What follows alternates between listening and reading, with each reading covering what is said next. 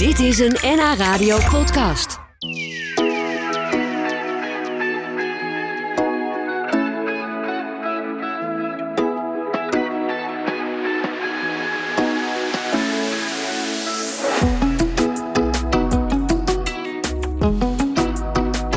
Is het om als jongere te wonen tussen ouderen met dementie? Dat gaan we horen van Teun Toebes. Hij besloot op zijn 21ste om in een gesloten verpleeghuis te gaan wonen. Zijn nieuwe huisgenoten hebben allemaal dementie en kunnen niet meer zelfstandig naar buiten.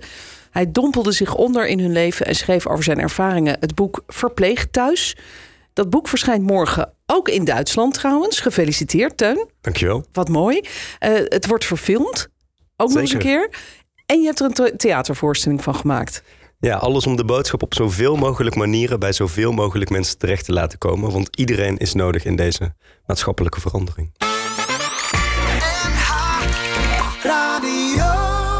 Nu ook net uit jouw kamer in dat verpleeghuis? Ja, sterker nog, ik heb de code 2684 in moeten typen om uh, hier naartoe te kunnen komen. En zometeen ben ik weer uh, thuis oh, in ja. het verpleeghuis. Ja, want je kan echt alleen naar buiten als je een code intikt. Ja, ik woon op de gesloten afdeling. En uh, dat laat meteen zien dat we voor veel mensen in Nederland inclusief zijn. Maar dat we voor mensen met dementie nog stappen te zetten hebben. Ja. ja, dat is eigenlijk wel gek inderdaad. Zij kunnen niet naar buiten, jij wel. Ja. Realiseren zij zich dat ook? Van hé, hey, ja, jij mag gewoon in en uitlopen en wij zitten hier binnen?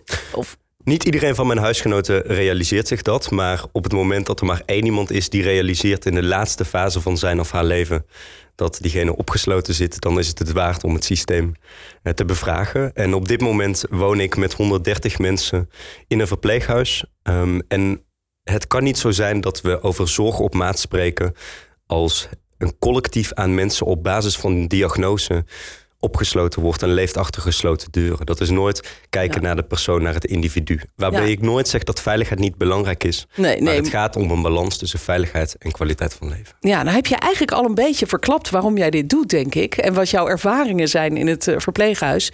Toch gaan we daar zo nog uitgebreid over verder praten. Want je hebt daar natuurlijk heel veel meegemaakt. Uh, en, en, normaal is het zo als je 21 bent dat je dan uh, tussen de studenten gaat wonen. Dit is zeker geen studentenwoning. Maar is er soms toch ook nog wel wat sprake van gezelligheid? En wordt er bijvoorbeeld nog wel eens een alcoholvrij dan misschien biertje gedronken?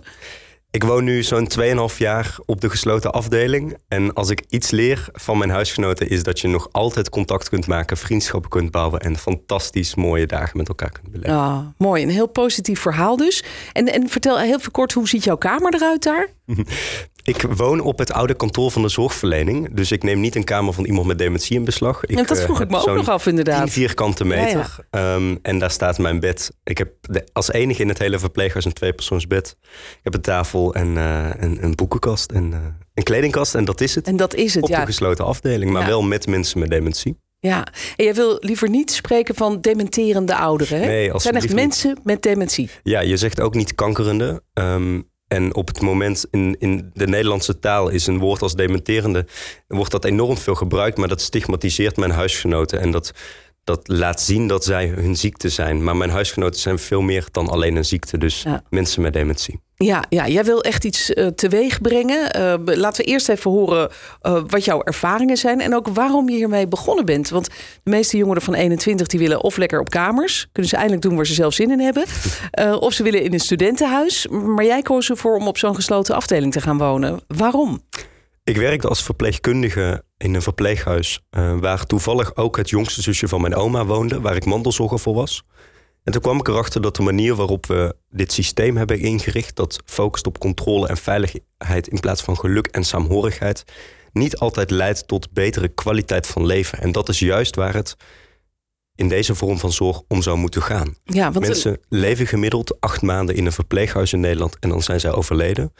Dus alles is nodig om die kwaliteit van leven te stimuleren. En ik dacht, als ik nu als jongere in een verpleeghuis ga wonen, dan kan ik mijn stem gebruiken om een stem te geven aan de mensen die nu geen stem hebben. Ja. Ook juridisch gezien, de wettelijke vertegenwoordiger is de stem van iemand met dementie.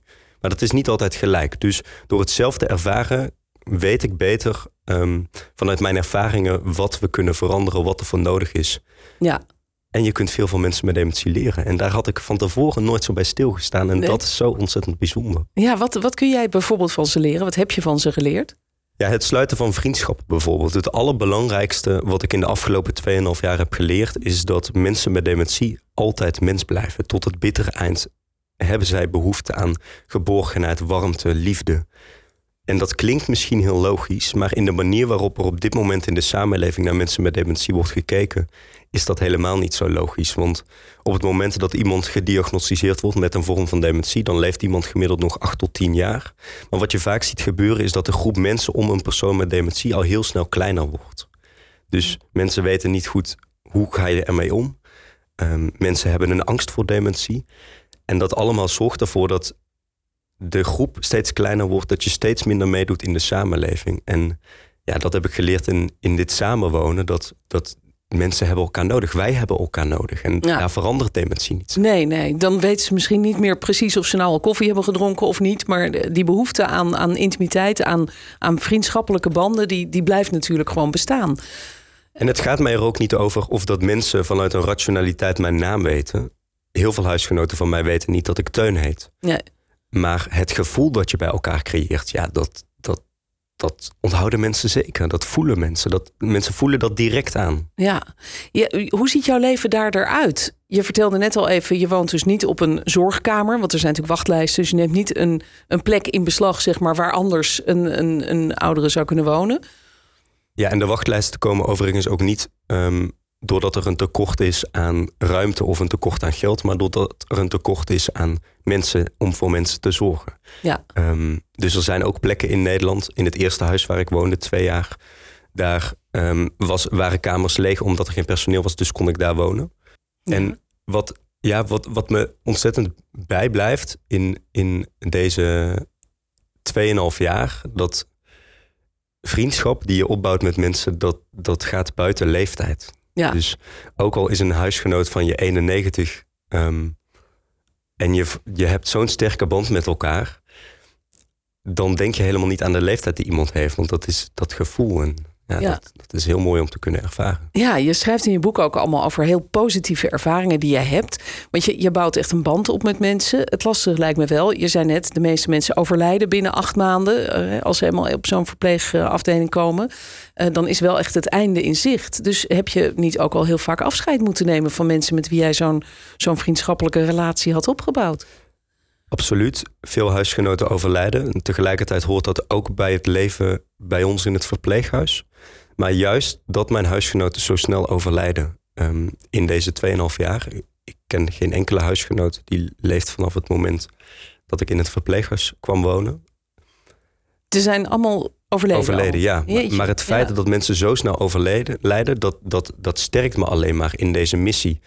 Um, en dat laat zien dat mijn huisgenoten de tijd niet hebben om te wachten op de verandering die zo hard nodig is. Ja. Mijn huisgenoten hebben de tijd niet om tien jaar te wachten op een systeemverandering. Als je Ja. acht maanden leeft, moeten we er alles aan doen om vandaag te veranderen wat we vandaag kunnen veranderen. Ja, wat doe jij met ze? Want je woont daar, eh, je schrijft er een boek over. Dat is eh, al iets. Je brengt hun situatie onder de aandacht. Maar wat doe jij verder met ze eh, in het leven van alle dag? Ja, ik, ik heb dus een privilege dat ik eh, wel van de gesloten afdeling eh, af kan. Want ik studeer ook nog. Ik doe nu een master uh, in zorgethische filosofie. Dus ik ben eh, ook een aantal dagen op school.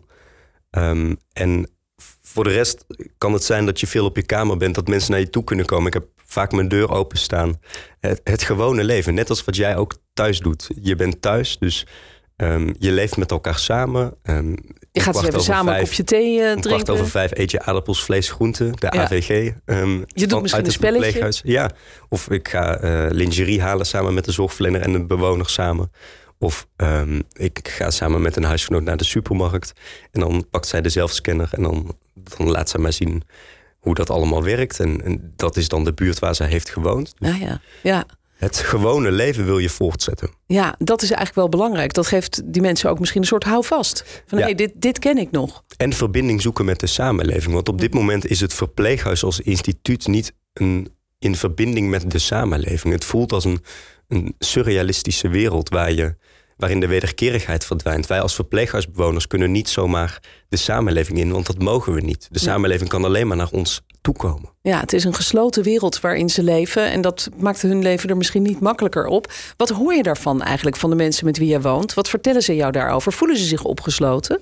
Ja, niet iedereen natuurlijk, want niet iedereen realiseert zich dat. Maar sommige huisgenoten realiseren zich dat wel. En dat, dat zou niet mogen in de laatste levensfase. Mijn grote vriend Ad bijvoorbeeld, ehm, hij vertelt wel vaak dat hij het vervelend vindt dat hij niet zelf naar buiten kan of niet zelf naar het café kan waar wij dan samen alsnog naartoe gaan. Ehm, maar zeker uh, realiseren mensen zich dat. Ja. En vinden dat dan misschien heel verdrietig dat ze er niet even uit kunnen. Ja, natuurlijk, want het raakt, het, het, tast je waardigheid aan. Ja. ja.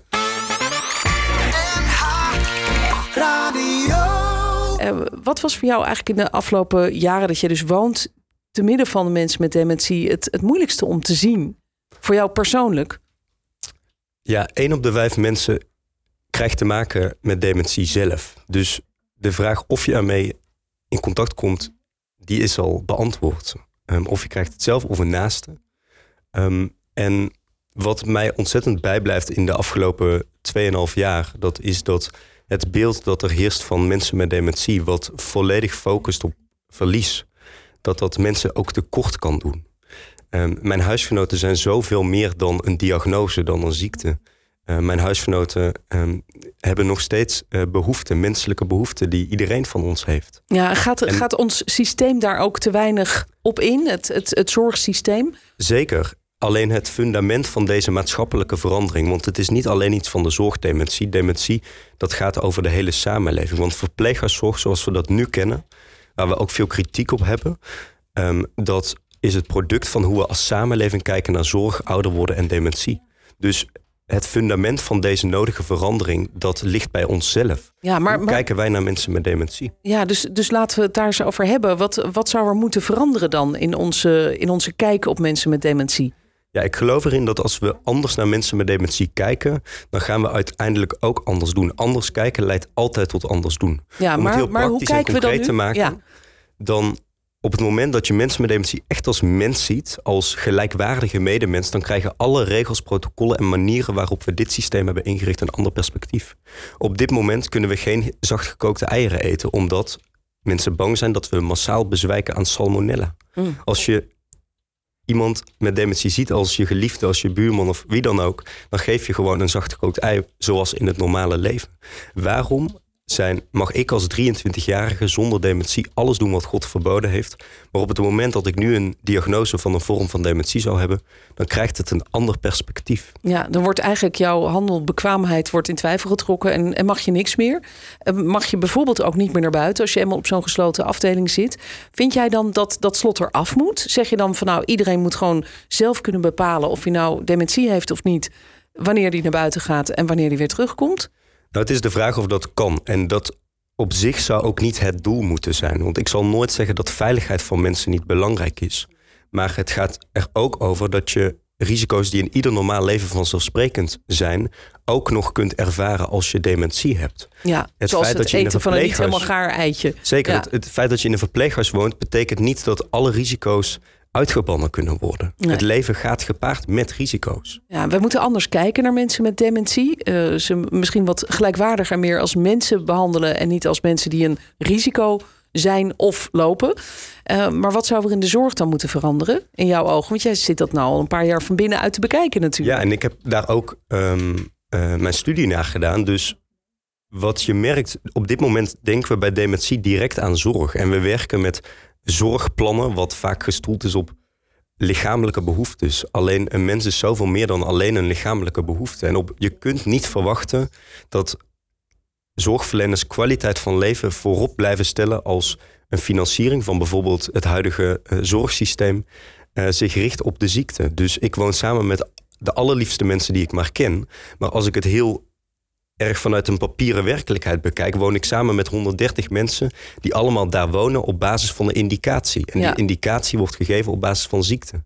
Ja. Dus je kunt niet verwachten dat het gewone leven wordt voortgezet zoals mensen dat kennen, als het systeem zo ook niet mee is ingericht. Dat is niet Ja. vanuit een slechte bedoeling van wie dan ook. Nee, ik Maar dat net is zeggen. wel waarin, wat we Ja. de afgelopen jaren hebben gecreëerd. Ja, dus er is meer gekeken vanuit de probleemkant. Je zou meer moeten kijken naar wat er allemaal nog wel mogelijk is eigenlijk voor mensen met dementie.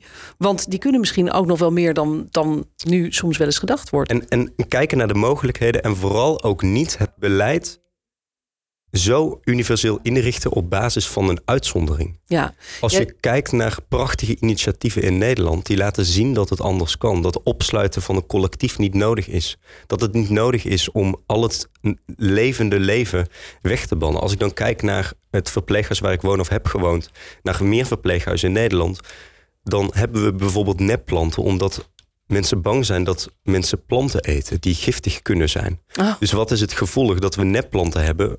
Kosten op de locatie overigens 20.000 euro, nieuwe nepplanten.